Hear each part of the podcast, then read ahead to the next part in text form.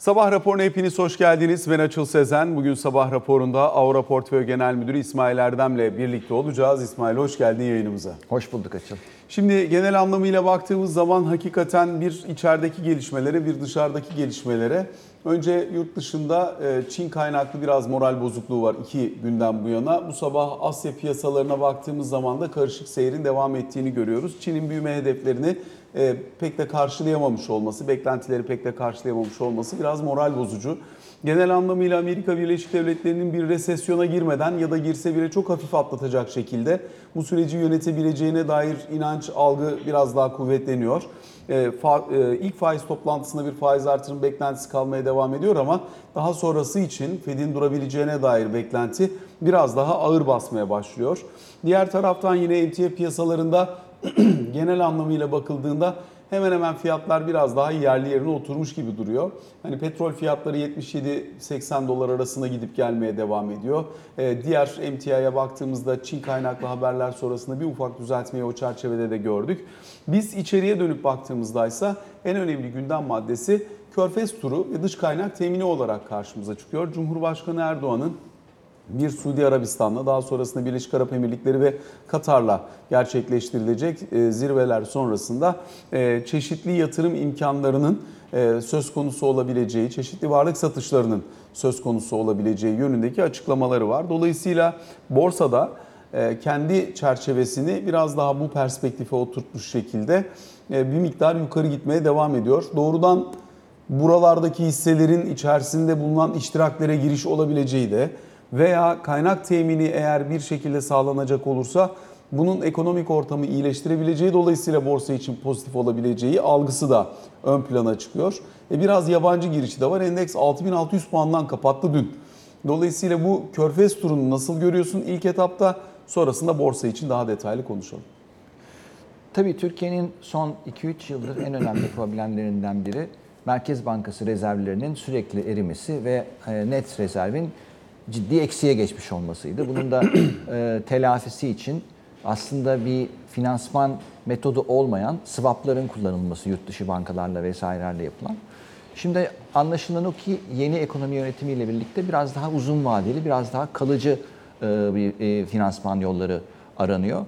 Bu e, körfez ülkelerinde de benim okuduğum, anladığım kadarıyla daha uzun vadeli yatırımlar, belki bir takım varlıkların satışları yoluyla e, rezervleri kuvvetlendirmenin yolları aranmakta. Tabii olumlu genelde baktığımızda ama şu da var yani e, hangi varlığı kaça satıyorsunuz e, gibi bir konu da var. Onu gördükten sonra karar vermek lazım. Yani işte evdeki en son kalan gümüşleri de gidip ucuza eskiciye vermiyor olmamız lazım. Değerli varlıkları e, iyi fiyatlarıyla satıyor. Belki ileride geri alma garantileriyle vesairelerle satabiliyor olmamız lazım diye düşünüyorum.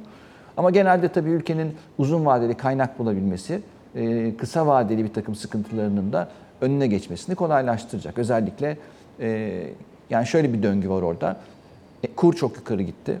Bunun sonucu olarak fiyatlar çok yukarı gitti. İşte en son petrol zamlarıyla birlikte, akaryakıt zamlarıyla birlikte. Bu böyle bir enflasyonu yukarı iten bir döngü haline geldi. Eğer rezervler kuvvetlenmeye başlarsa rezerv satışı olmadan da kur belki istikrara kavuşabilir. Yani yatırımcılar Merkez Bankası'na bakıp ya bu ülkenin rezervleri artıyor, buraya ciddi bir ilgi var. Dolayısıyla e, bu kur e, daha istikrarlı kalabilir beklentisine girip dolar taleplerini kısabilirler. Bunun için elbette önemli koşullardan bir tanesi ekonomi yönetimini e, ciddi bir kredi açtı piyasa. E, dolayısıyla bundan sonra gelebilecek olan para politikasına ilişkin kararlar, makro ve mikro ihtiyati önlemler ve bu önlemler çerçevesinde atılacak adımlar bunların tatmin düzeyleri çok belirleyici. E, bu haftada para politikası kurulu toplantısı var Perşembe günü. Şimdi bir bu toplantıdan ne bekliyorsun? Beklentinde bizim e, Bloomberg KT araştırma e, ve editör ekibinin yapmış olduğu ankette 21 kurumun medyan beklentisi 5 puan faiz artırımı geleceği yönünde. Dolayısıyla 20 beklentisi var. Ancak daha altını bekleyenler var. Çok daha üstünü bekleyenler var. Goldman Sachs gibi daha öncesinde e, çok yüksek faiz artırımı bekleyip biz hani çok tahmin edemedik. Dolayısıyla hani bu noktadan sonra faiz tahmini vermekten vazgeçiyoruz diyenler var. E, bu çerçevede hani senin bir faiz beklentini soruyorum. İki piyasa genel anlamıyla ne beklediğinden çok emin değil ya. E, dolayısıyla artık bir yere çıpalamak gerekir mi o beklentileri? Bir de bunu merak ediyorum.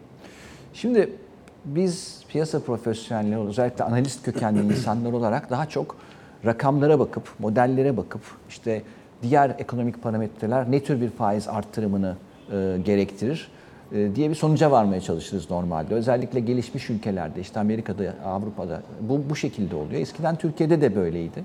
Ama şu anda bir geçiş döneminde olduğumuz için çok böyle ya ben işte 2.5 bekliyorum, yok hayır ben 3 bekliyorum diye oturup tartışabileceğimiz bir durum yok. Çünkü ekonomik modellere bağlı bir faiz arttırımı olmayacak.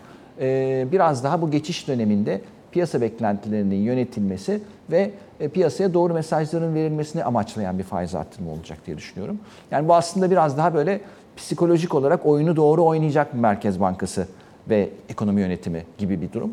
Ya benim beklentim de 3 2 3 civarında, 4 civarında bir şey ama yani 2 ile 4 arasında da çok büyük bir fark yok bana sorarsan. Zaten enflasyon %40 50 60 olmuş gidiyor. Yani politika faizi 15'ten 17 olsa veya 19 olsa çok önemli değil. Benim orada görmek isteyeceğim e, bir e, artış trendinin artış döngüsüne devam ediyor olması. Yani artması ve önümüzdeki dönemlerde de gerekirse artırırız mesajının kuvvetli bir şekilde verilmesi ve e, belki diğer bir takım sıkılaştırıcı tedbirlerle de e, enflasyonun önüne geçilmesi için Merkez Bankası'nın ciddi çaba sarf ettiği mesajının piyasaya verilmesi. E, benim buradan beklentilerim bu piyasa beklenti bence piyasa da aşağı yukarı bunu yapıyor. Yani işte o Goldman Sachs'in falan çok yanlış çıkan beklentisi de yani onların modelleri yanlış söylediği için değil. Onların olayı okuyuşu ya herhalde çok daha agresif başlar yeni ekonomi yönetimi şeklindeydi. Yoksa orada bir rakamsal hatadan çok belki psikolojik oyunu yanlış okumalarından kaynaklandı. Şimdi mesela buralarda diyelim ki düşük oranlı işte e, 16,5'lar, 17'ler buralarda bir faiz artırımı gerçekleşti. E, Dolayısıyla hani 1 puan, 1,5 puan, 2 puan buralarda gelecek olan bir faiz artırımına piyasanın tepkisi ne olacaktır? Çünkü enflasyon beklentisi 55'lere doğru kayıyor anladığımız kadarıyla. Dolayısıyla hani arada geçtiğimiz 2 yıl içerisinde yaşanan negatif reel faiz e, tartışmasını e, belki bir tur daha faiz artırımına rağmen e, yeniden yapma olasılığı belirme ihtimali de var. Dolayısıyla ne dersin, nasıl bir tepki beklersin mesela böyle bir faiz artırımı olursa? Şöyle, şimdi piyasanın vereceği tepki tabii piyasanın fiyatladığı, beklediği, bekleyerek fiyatladığı artıştan ne kadar farklı bir artış geleceğine bağlı. Ee, işte 4 civarında, 5 civarında bir beklenti var anladığım kadarıyla. Yanlış, terminalde de o civarda bir şey var sanırım. Ee, 5 biz yani bizim beş. anket 5 bekliyor. İşte terminalde de 3 aşağı 5 yukarı 5 bekliyor ama 3 bekleyen de var. Tabii. Yani tahmin ediyorum ki 3-4 gelirse nötr olur piyasanın tepkisi. Onun altında bir şey böyle 1-2 gelirse biraz negatif olur. 5-6 falan gelirse de pozitif olur. Biraz negatifi tanımlar mısın? Yani borsa yüzde 2-3 aşağı gelir. Ben borsanın çok aşağı geleceğini de zannetmiyorum. Bu arada ona geliriz sonra belki. Kur tarafında mesela veya yatırımcının özellikle döviz yönelimi e, anlamında bir beklentin olur mu? Çok olmaz çünkü bankaların zaten yatırımcıya önerdiği mevduat faizleri e, hem TL'de hem e, işte KKM'de çok değişmeyecektir. Yani Merkez Bankası faizi 17'de yapsa, 19'da yapsa Ayşe teyzenin, Ahmet amcanın bankadan alıyor olduğu mevduat faizini bu çok fazla etkilemeyecektir. E, büyük şirketlerin aldığı faizleri de etkilemeyecektir. Dolayısıyla yatırımcıların e, döviz ve mevduat kompozisyonlarını çok etkileyecek bir karar olacağını zannetmiyorum. Yani burada şunu belki altını çizmekte fayda var. Şimdi bir geçiş dönemindeyiz. Çok sıkı regülasyon, arka arkaya gelen e, regülasyon ve ciddi bir döviz satışıyla gelen döviz rezerv ezilmesi sonrasında biraz normale dönüş şeyindeyiz, dönemindeyiz. Bu dönemde de Merkez Bankası'nın işte normal ders kitaplarında yazan enflasyon şu ise faizde şu olması lazım, büyümede şu şu o onu tam uygulaması çok mümkün değil. Yani şu anda Merkez Bankası enflasyon %50, faizi 40'a çekse bunun beklenmeyen bir sürü negatif etkisi de olabilir. Bence bu açıdan ufak ufak adımlarla ilerlemesi ekonomi politikasının daha doğru ve öyle de gidiyor. Elbette politika faizi göstergelerden bir tanesi. Fakat e, politika faizinin belirlendiği nokta ister istemez kredi piyasasının işlevselliği üzerinde de etki yaratıyor. Çünkü faiz için bankaların uygulayabilecekleri kredi faizleri için konulmuş olan bir sınırlama var. politika faizinin 1.4 veya 1.8 katı kadar. Eğer bunların üzerine gidecek olursa menkul kıymet yükümlülüğü doğuyor bankalar için. Dolayısıyla şimdi özellikle faizin doğru yerde belirlenemediği ya da piyasa gerçeğiyle uyumlu yerde belirlenemediği ortamda e, eğer döngü de varsa, faiz yarın bir gün artacaksa banka bugünden bunu krediye dönüştürmekten imtina ediyor. Çok da tercih etmiyor. Dolayısıyla şu anda kredi piyasasında çok ciddi sıkışma var, durma var. Zaten rakamlar da gösteriyor. Ticari krediler açısından da bayağı net bir e, ve belirgin bir gösterge var kredi daralmasına ilişkin. Dolayısıyla hani bu bir e, soğutma politikası olarak mı kullanılıyor? Yani faizi artırıp kredi akışkanlığını sağlamak yerine faizi düşük tutup kredi piyasası bu şekilde kalmaya devam etsin, ekonomi bu yolla soğusun. Bu da bir tercih olabilir mi? Yani normalde faizi artırarak yaratacağın soğutmayı faizi düşük tutarak ya da sınırlı artırarak e, soğutma politikasına dönüşme olasılığı var mı? Bu likidite problemi yaratır mı şirketler cephesi? Bence kesinlikle bu da politika setinin önemli bir e, parçası şu anda. E, biraz aslında demin ben buna işaret etmeye çalıştım. Yani normal olmayan bir e, regülasyon setiyle şu anda hala faaliyet gösteriyoruz. İşte dediğin gibi politika faizinin 1.4-1.8 katından fazla kredi faizi e, alamıyor bankalar vesaire ve bir sürü başka e, regülasyon var. Şimdi böyle bir ortamda hiçbir şey yokmuş gibi Merkez Bankası faizini, politika faizini işte beklenen enflasyonun %5, %2-3 üstünde e, bu Ta- Taylor kuralı vesaireyle belirlemek gerçekçi değil. Çünkü öyle bir ortamda değiliz. Bir sürü başka parametre var. Ve zaten sıkılaşıyor piyasa şu anda. Özellikle kredi kanalı çalışmıyor e, senin de bahsettiğin gibi. E, ve ufak ufak adımlarla yavaş yavaş belki o 1.4-1.8'i ben belki gevşeteceklerini tahmin ediyorum. Ee, Ondan sonra bu menkul kıymet tutma oranını ufak ufak aşağı çekmeye başladılar. Orada da ileride adımlar gelecektir diye düşünüyorum. Biraz böyle bu 3-5 ay e, seçimlere kadar politik bir durum da var zaten. Politik açıdan da çok fazla faiz artırıp piyasayı bayağı çok da var seçimi. Var, var ama işte böyle Yani gidecek. faizi artırarak piyasayı kitler misin yoksa kredi akışkanlığını mı sağlarsın? Faizi düşük tutarak kredi akışkanlığını mı sağlıyorsun yoksa krediyi mi kitliyorsun? Dolayısıyla hani eğer düşük bir faiz artırımı görecek ve kat sayıda kalmaya devam edecek olursa bunu belki soğutmanın bir politika bileşeni olarak ekonomiyi soğutmanın bir politika bileşeni olarak görmek gerekecek mi bundan sonrasında? Şu anda o Alışıldık şekilde. bir şey değil de. Şu anda o şekilde çalışıyor. Yani e, zaten piyasada kredi yok. Yani faizleri niye artırır merkez bankaları? Bir, tasarrufu teşvik etmek için insanlar paralarını harcamasın bankada tutsun. İki, e, kredi zorlaşsın ve dolayısıyla e, harcamalar ve yatırımlar biraz frenlensin. O yatırımların frenlenme kısmı zaten müthiş oluyor Türkiye'de. Yani son 3-5 yıldan beri özel sektör yatırımları çok zayıf. E, aslında burada harcamaları da yani e, işte konuttur, arabadır vesairedir gibi harcamalarında yavaş yavaş kısılması isteniyor ki o da oluyor diye görüyorum.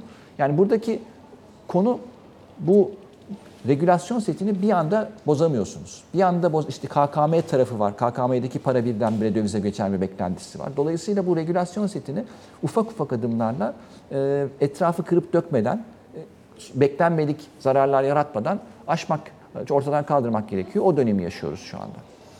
Ee, Bir başka önemli konu özellikle mevduat faizlerinin bu yeni enflasyon beklentilerine uyum sağlayıp sağlamayacağı. Yabancı yatırımcıların ne düşündüğü çok mühim değil. Çünkü zaten katılımları sınırlı Türkiye için ama mesela Bank of America e, 44'ten 58'e yıl sonu enflasyonu beklentisini yükseltiyor.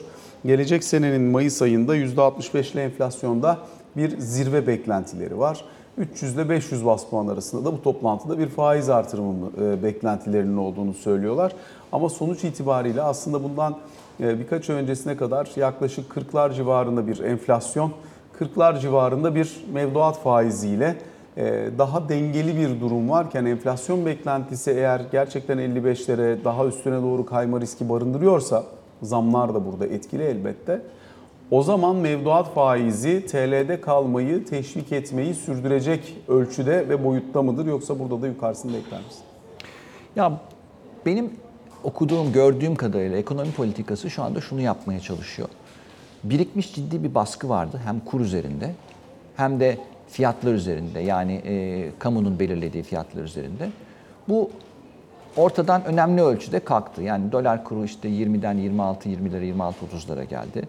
İşte benzin fiyatları vesaire elektrik bir sürü fiyat artışları yaşandı. Bu zaten e, bundan sonra da önemli bir e, vergilerde vesairede artışta pek olmayacağını açıkladı e, yetkililer. Şimdi bu ortamda birazcık da olumlu taraftan düşünmeye çalışırsak şöyle bir senaryo görüyorum ben. Yurt dışından, körfezden vesaireden belli bir miktar döviz bulunur. Bu dövizin de rezervlere sağlayacağı katkı ve yaratacağı güvenle birlikte e, dolar kuru çok fazla artmaz. E, bu ortamda da enflasyon pek öyle 55-60 lira gitmez, 40'larda kalır ve belki 2024'te e, seçimlerden sonra uygulanacak daha da gerçekçi politikalarla, daha da e, ders kitabına uygun politikalarla diyeyim, daha da aşağıya gelebilir gibi bir kısmen olumlu bakışa daha yakın görüyorum kendimi. Ee, bir de şunu söyleyeyim, mesela burada şöyle bir şey gözlemliyorum ben. Bu 40 civarında faizler, 40-45 civarında faizlere e, bayağı talep oluyor. Mesela biz portföy yönetim şirketi olarak geçtiğim sürekli özel sektör tahvili alıyoruz. Fonlarımız için, müşterilerimiz için. 2-3 ay öncesine kadar ne kadar talep verirsek alabiliyorduk. Çünkü faizler düşüktü. Yani bir ihraç oluyor. Biz diyelim ki oraya 10 liralık talep verdik. 10 liralık alışı büyük ölçüde gerçekleştiriyorduk. Son 3-4 haftadan beri taleplerimizin yarısı, üçte biri, dörtte birini alabiliyoruz. Şundan dolayı faizler 40-45 lira çıkınca birçok yatırımcı talep göstermeye başladı. Ve yani bir bakıma halka arzlar gibi verdiğiniz talebin hepsini alamıyorsunuz çünkü insanlar almak istiyor. Yani 40 küsür faizlere talep var onu demek istiyorum. Bu insanları en azından süper tatmin etmese de paralarını oraya plase etmek için şu anda yeterli gibi gözüken bir faiz oranı. Şimdi eğer buralara insanların talebi varsa faizin oluşması gereken doğru yerin neresi olduğuna dair bir şey söylüyor mu? Bir sinyal veriyor mu burası? Biraz bunu da tartışabiliriz. Yani daha önceki iki yıl boyunca uygulanan ekonomi politikasının en temel eleştiri noktası paranın fiyatının doğru yerde belirlenmemesi ve bunun çerçevesinin üzerine yani doğru yerde olmayan bir e, politika faizinin üzerine bir politika inşasıydı. Bu çok yan etki üretti. Şimdi bunun doğru olmadığı zaten kabul edildiği ki bir anlayış değişikliğine doğru gidiliyor. Dolayısıyla e, şimdi faiz artıyor. Ne kadar artacak bilmiyoruz ama eğer düşük adımlarla işte 18'ler 20'ler bu toplantı için söylemiyorum veya ulaşılabilecek olan yer beklenen enflasyonun çok altında kalacaksa o zaman e, bu politika bileşiminin de bir öncekinin yaşadığına benzer bir yetkinlik ve yeterlilik tartışması söz konusu olur mu olmaz mı? Yani herhalde en temel soru bu. Çünkü dediğimiz gibi piyasalar çok yoğun bir kredi açtı. E, yapılmak isteneni de çok net olarak anlıyor herkes. Ama sonuç itibariyle hani e, bir, bir seçim daha var ve seçime de bayağı var yani Temmuz'dan e, Mart sonuna kadar Tabii. bayağı zaman var. Dolayısıyla buraya kadar paranın fiyatının doğru yerde olup olmadığı tartışmasıyla geçirebilecek bir süre var mı? Yani kredi faizi bir yerde, politika faizi aşağıda bir yerde, mevduat faizi bayağı yukarıda bir yerde, enflasyon beklentisi daha da yukarıda bir yerde. E, bir yerde bunların hepsinin normalleşeceği bir ortam yaratmak lazım ya o çerçevenin nerede oluşmasını bekliyorsun? Yani burada tabii e, gördüğümüz kadarıyla e, ekonomi bürokrasisinin eli %100 serbest de değil. Yani bir takım e, siyasi e, sınırlamalarla karşı karşıyalar. Başta seçimler olmak üzere. Yani istedikleri gibi e, tüm kararları %100 serbest bir şekilde tam da veremiyorlar. Bir e, genel idarenin e, felsefesi çerçevesinde hareket etmeleri gerekiyor. Bu da e, adımlarını daha yavaş yavaş e, atmaları sonucunu doğuruyor gibi görüyorum. Yani burada paranın fiyatı şu anda doğru mu? Merkez Bankası'nın politika faizi doğru değil. Fakat e, sistem öyle bir hale geldi ki bankaların mevduata önerdiği, verdiği faizler paranın fiyatına daha yakın, hatta oldukça yakın. Yani şöyle düşünmek lazım. Şimdi enflasyon yüzde işte 50 50 civarında diyelim ama e, olacak olan devalüasyonun ve fiyat artışının önemli bir kısmı oldu ve bundan sonrasının olmaması için, rezerv oluşturmak için ciddi çaba sarf eden bir ekonomi yönetimi var. Bu çerçevede enflasyonun önümüzdeki 2-3 yıl böyle 50'ler 60'larda devam etmesi ni çok beklemiyorum ben. Biraz aşağıya gelir diye düşünüyorum ve zaten amaçları, hedefleri bu şu andaki ekonomi yönetiminin de. E, ve yani orada çok hızlı büyüyen bir ekonomimiz de yok. Tamam Merkez Bankası faizleri düşük, okey. E, fakat çok hızlı büyüyen böyle müthiş bir kredi patlamasının olduğu bir ekonomi de yok. Yani öyle bir ortamda daha çok enflasyon böyle e, tamamen artık negatif döngüye girip kopup gider hiper enflasyona doğru fırlar. e, bizde aksine e, talepte bir, bir daralma görebiliriz diye düşünüyorum önümüzdeki. Daha fazla bir daralma görebiliriz diye düşünüyorum önümüzdeki çeyreklerde. Bütçe rakamları geldi dün itibariyle. Haziran ayındaki açık 220 milyar lira seviyesinde gerçekleşti kabaca ve 12 aylık açıkta 715 milyar liraya kadar geldi. Ee, Buranın çok ciddi bir e, risk barındırdığını daha öncesinde konuşuyorduk ki zaten Hazine ve Maliye Bakanı Mehmet Şimşek de arka arkaya vergi artışlarıyla, getirilen zamlarla, fiyatı yönetilen, yönlendirilen kalemlere getirilen artışlarla birlikte buradaki nakit dengesini doğru bir yola koyma yönündeki isteğini, iştahını e, belirtti. Elbette bu zamların vatan- vatandaş nezdinde çok zorlayıcı olduğunu anlıyoruz. Ama eğer yapılmayacak olsa daha büyük güçlüklerle karşı karşıya kalma riski de var. Dolayısıyla e, bu çerçeveyi nasıl okursun? Yani zamlar vatandaş için zor ama ekonomi politikası için vakayı hayriye midir? Biraz öyle. Zamlar tabii ki zor. Hepimizi çok zorluyor. Dar gelirli vatandaşı çok daha fazla zorluyor.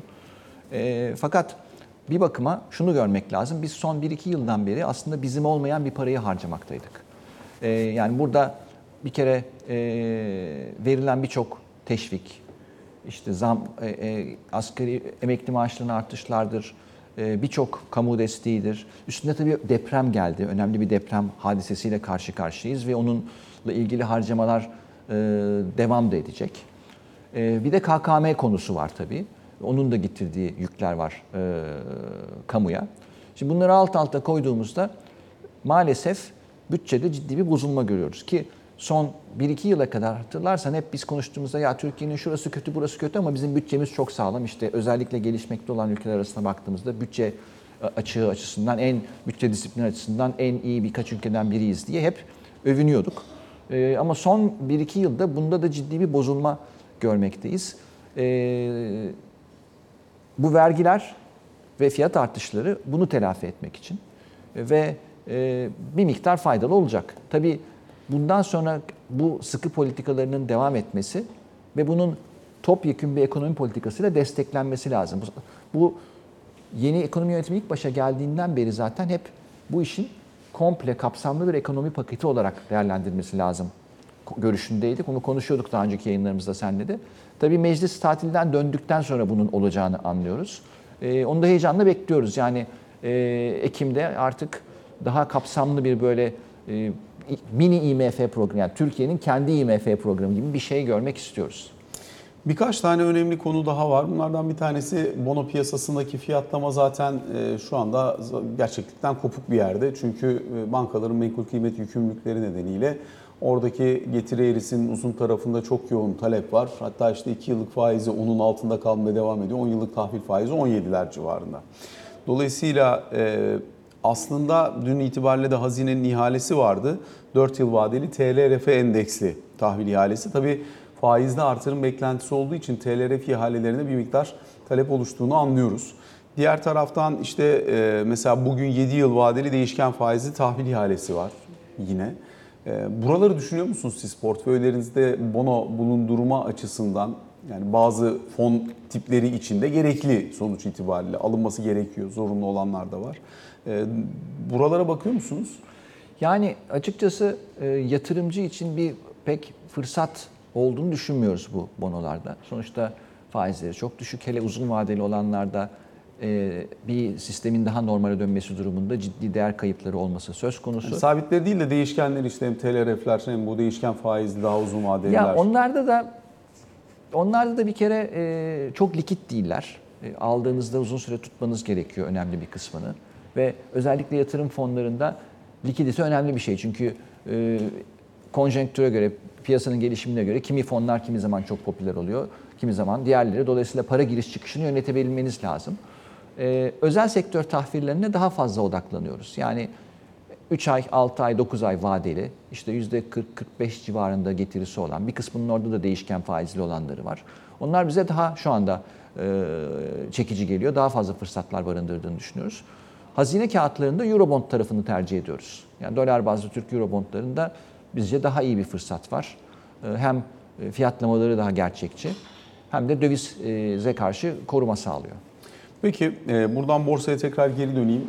E, borsanın genel gidişatı için bir parça konuştuk. Enflasyona karşı kendini bir miktar daha uyarlama çabası da söz konusu olacaktır büyük ihtimalle borsanın. E, fakat genel gidişatın içerisinde şu anda tercih edeceğin, ön plana çıkartacağınız neler var? Bilanço dönemi de yaklaşıyor. Fena bir bilanço dönemi olmayacak gibi görünüyor bankalar için özellikle. Sanayi tarafta öne çıkarttığınız veya bankalarda şu anda tercih ederiz dediğiniz kimler var?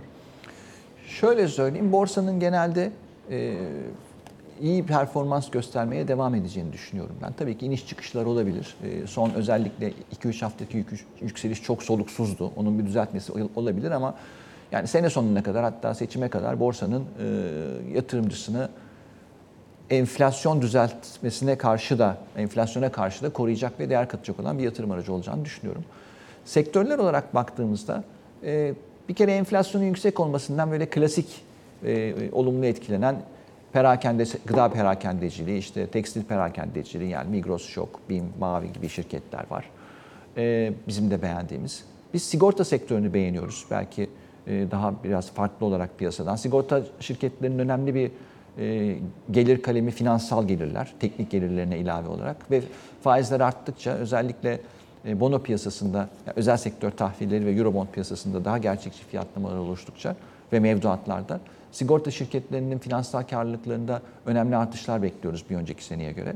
Ve e, özellikle geçen senenin başında sigorta sektörü önemli zararlar yazdı. Beklemedikleri işte asgari ücretteki artışlardan, e, dövizin yükselmesinden vesaire. E, biraz orada normalizasyonu da görüyoruz. Ee, Daha böyle klasik olarak gene beğenilen taşımacılık, işte hava yolları, Türk Hava Yolları, Pegasus şeyinde konusunda bir miktar daha temkinliyiz. Yani çok iyi gidiyor işleri, ee, döviz kazanıyorlar. Fakat biraz böyle fazla konuşulan, fazla satın alınan bir hikaye mi oldu bu acaba diye de düşünüyoruz. Belki orada tavu biraz daha tercih ediyoruz diğer iki hava yoluna göre. Ama o hava yollarını da beğeniyoruz, beğenmiyor değiliz. Ama dediğim gibi biraz böyle çok e, kalabalık bir trade haline gelmiş olabilir mi diye de düşünüyoruz. E, bankaları, özel sektör bankalarını özellikle beğeniyoruz. E, onu söyleyebilirim. Holdinglerden ciddi iskontoda işlem görenler var. E, bu ortamda biz gayrimenkul yatırım ortaklarında da bayağı açıkçası yatırım yaptık portföylerimizde. Yani net aktif değerlerinin neredeyse yarısında işlem gören ve gayet iyi yönetilen, e, gelir kira yaratan e, gayrimenkul yatırım ortaklıkları Şimdi GEO var. dediğimiz zaman e, onları da kendi içerilerin içerisinde segmente etmek lazım. Yani çünkü farklı iş yapan birçok GEO var. Yani konut tarafını yapan var, kira yapan var, ticari gayrimenkul yapan var, her ikisini karma yapan var. Hangilerini daha çok tercih ediyorsunuz bu dönem? Şöyle söyleyeyim, ticari özellikle alışveriş merkezleri, e, ondan sonra otelcilik e, işlerine yatırım yapanları tercih ediyoruz. Konut tarafından biraz daha uzak durmaya çalışıyoruz. E, Orada e, özellikle e, konut kredilerinin şu anda çok fazla olmaması, e, ona erişimin pek mümkün olmaması, yabancıların da konut alışında e, ciddi bir e, yavaşlama e, gözlemliyor olmamız biraz daha e, imtina, e, dikkatli yaklaşmamızı gerektiriyor konuta yatırım yapan. Aa, Diğer şirketlere baktığımızda da ya mesela enerji şirketleri çok geride kaldı bu sene baktığımızda. İşte muhtelif sebepleri var. Elektrik fiyatları biraz düştü geçen seneye göre. Ondan sonra e, barajları olan, hidroelektrik santralleri olan şirketler bu sene daha yağışsız, kuru bir sene olduğu için geçen seneye göre biraz geride kaldılar. Ama orada da e, değer ihtiva eden şirketler olmaya başladı. Sonuçta bu enerji üretimi işinde de böyle bir döngü var. Fiyatlar sürekli çok düşük kalmıyor, sürekli çok yukarıda da kalmıyor.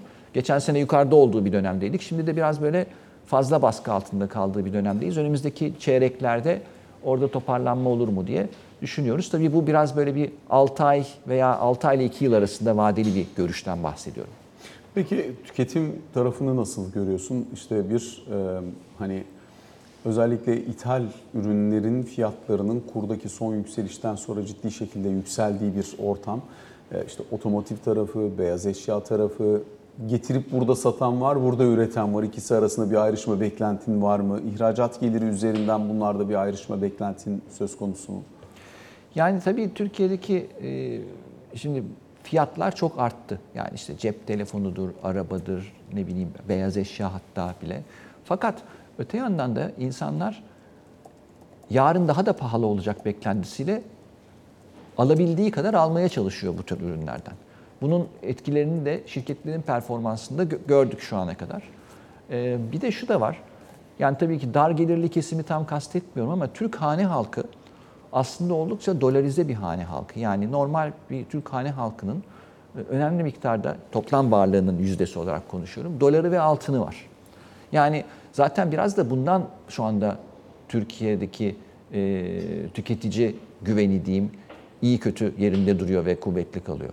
Yani e, baktığımızda hem sistemden çıkmış olan altınlar, sistemden çıkmış olan dövizler, bankada duran KKM'ler alt alta koyduğumuzda böyle normal bir Türk yat- vatandaşının çok alt düzeyi kastetmiyorum, emeklileri kastetmiyorum tabii ki. Aslında oldukça dövize bağlı bir e, varlık sepeti var. Fiyatlar da sürekli yukarı gitmeye başlayınca ya param alacaksam bunu 6 ay sonra alacağım bugün alayım diye gidip alıyor. Ama tabii bu ilelebet gitmez. Yani bir bakıma ilerideki talebin bugüne çekilmesi anlamına geliyor. Bu insanlar sonuçta gidip her ay cep telefonu almayacak. Yani bir sene sonra alacağını bu sene almayı tercih edebilir. E bundan dolayı da belki yine kısa vadede kuvvetli olabilir talep ama e, 3-5 ay sonra ciddi talepte yavaşlama görme ihtimalimiz de kuvvetli. İsmail Erdem çok teşekkür ediyoruz sana yorumlarını bizle paylaştığın için. Kısa bir araya gidiyoruz. Sonrasında Ali Can Türkoğlu ile ikinci bölümde karşınızdayız.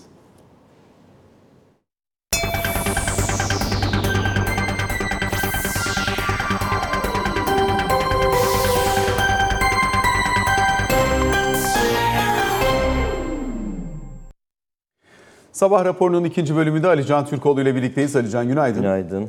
Cumhurbaşkanı Erdoğan'ın Körfez turu, ekonomi yönetimi orada. Çok sayıda anlaşma beklentisi var. İlk anlaşma zincirinin Suudi Arabistan'la şu an itibariyle mutabakat halinde e, imzalanma aşamasında olduğunu görüyoruz.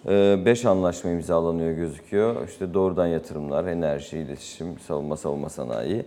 Ee, tabii bunların detaylarının neler olduğu da kritik. Yani evet bu başlıklarda, bu sektörlerde anlaşmalar imzalanıyor ama doğrudan yatırım kapsamında karşılıklı olarak neler yapılacak? Özellikle bir takım satın almaların gerçekleşeceği ifade ediliyordu. Cumhurbaşkanı giderken işte bazı asetlerin alınacağı, satın alınacağı karşılıklı olarak e, söylemişti ama bu kapsamda bunların ne olduğu, bu satın alma durumlarından e, ne kadarlık bir e, gelir elde edileceği gibi detaylar muhtemelen dönüşte belli olacak. E, Cumhurbaşkanı'nın özellikle açıklamalarıyla daha detay kazanabilir ve özellikle de bu tur sonrasında yapılacak karşılıklı ziyaretlerin devam edeceğini de biliyoruz. Bunlar neticesinde de e, işte bugün özellikle 25 milyar dolarlık bir hedeften bahsediliyor genel olarak Türkiye'nin bu turdaki e, bu turdan kazancının ve hedefinin 25 milyar dolar seviyelerinde olabileceği söyleniyor. Ama bunun içerisinde neler olduğuna ilişkin bir bilgi yok. Sadece biliyoruz ki dün Cumhurbaşkanı gitmeden önce e, mesela BOTAŞ'ın satılmayacağını söyledi. Ama ne- nelerin satılabileceği, masada e, işte varlık fonuna varlık fonunun sahip olduğu şirketler var mı yok mu gibi soruların cevapları yok mesela henüz. Bunlar sadece Satılacak bir varlık varsa büyük ihtimalle varlık fonu üzerinde olacaktır. Öyle ama işte hangisi var? İşte limanla ilgili, Alsancak Limanı ile ilgili olarak hatırla. Geçen hafta, geçtiğimiz haftalarda veya bir önceki hafta özellikle e, haberler çıkmıştı ama buna ilişkin bir doğrulama olmadı. Dolayısıyla bu kapsamda evet bir takım başlıklarda hem dün Suudi Arabistan'la hem bugün Katar'la hem yarın Birleşik Arap Emirlikleri anlaşmalar imzalanacak. Ee, ancak bu anlaşmalar kapsamında e, mesela doğrudan yatırımın içerisinde neler olduğuna ilişkin detayları muhtemelen biz Cumhurbaşkanı'nın dönüşünde veya ziyaretlerin devamında öğreneceğiz gibi gözüküyor. Ee, o yüzden bugün de Katar'da yapılacak açıklamalar, iş forumu neticesinde yapılan değerlendirmeler, 200'den fazla e, iş insanının Cumhurbaşkanı'na eşlik ettiğini biliyoruz. İşte dün DEİK'ten Bloomberg ET ekranlarında açıklamalar geldi bu gezinin genelinde neler beklendiği ile ilgili olarak. Ama sadece hani 3 günlük gezi ve bunun e, sonuçları olarak değil daha orta ve uzun vadede de e, Körfez ülkeleriyle Türkiye'nin özellikle belirli bir süredir Katar dışında e, Suudi Arabistan ve Birleşik Arap Emirlikleri ile gergin olan ilişkilerde tamamen 180 derece bir e, iyiye dönüşle ilişkilerin tekrar eskiden daha eskisinden de daha iyi hale getirilmesi gibi bir ana amaç var. Bu kapsamda da işte bu doğrudan yatırımlar veya diğer e, sektörlerdeki anlaşmaların kapsamları belli oldukça süreç biraz daha net ortaya konacak gibi gözüküyor. Ama şu an itibariyle net olan şey Suudi Arabistan tarafıyla Türkiye arasında imzalanan 5 ana sektördeki anlaşmalar. Dediğim gibi detayları daha sonra belli olacak. Tahıl koridorunun süresi dün itibariyle doldu. Rusya masaya dönme konusunda isteksiz. Ee, Erdoğan'ın çağrısı var. Ancak şu an itibariyle Rusya e, yok diyor. Koşulları neler? Bir de onlardan da bahsedelim istedim. Asıl koşul şu, bu anlaşmanın gereklerinden bir tanesi Ukrayna tahılında olduğu gibi Rus gübresinin de limanlardan çıkışının sağlanarak pazarlara iletiminin e, sağlanması. Şimdi aslında teknik olarak şöyle bir durum var. Şimdi Rus tarım ürünleri aslında yaptırımlardan muaf. Yaptırımlar kapsamında değil. Ancak e, işte satışın ve transferlerin gerçekleştirileceği bankalar, işte bu ürünlerin taşınacağı gemiler, işte Rus gemileri. Bunlar yaptırım kapsamında. Dolayısıyla burada bir çıkmaz var ve bu çıkmazın önüne geçilmedi, geçilemedi. Ee, Türkiye'nin birçok girişimi olduğunu biliyoruz bu konuyla ilgili olarak. Özellikle banka kapsamında e, bazı bankaların yaptırım dışı bırakılarak bu sorunun çözüleceği yönündeki beklenti özellikle bu ayın başında vardı ancak olmadı. Şimdi dün hem Birleşmiş Milletler tarafıyla hem Rusya tarafıyla hem Ukrayna tarafıyla görüşmeler gerçekleştirildi Ankara tarafından bunu biliyorum. Ve bu kapsamda çözüm nasıl olacağı belli olmamakla beraber özellikle Cumhurbaşkanı'nın dünkü açıklamalarına da dayanarak söyleyebiliriz. Şimdi Ağustos ayında bir yüz yüze görüşme olacak. Ama Ağustos'a kal- kalmadan Türkiye ile Rusya arasında özellikle Erdoğan'la Putin arasında bir görüşme olacakmış gibi gözüküyor. Bunun süresi muhtemelen Körfez turu sonrası.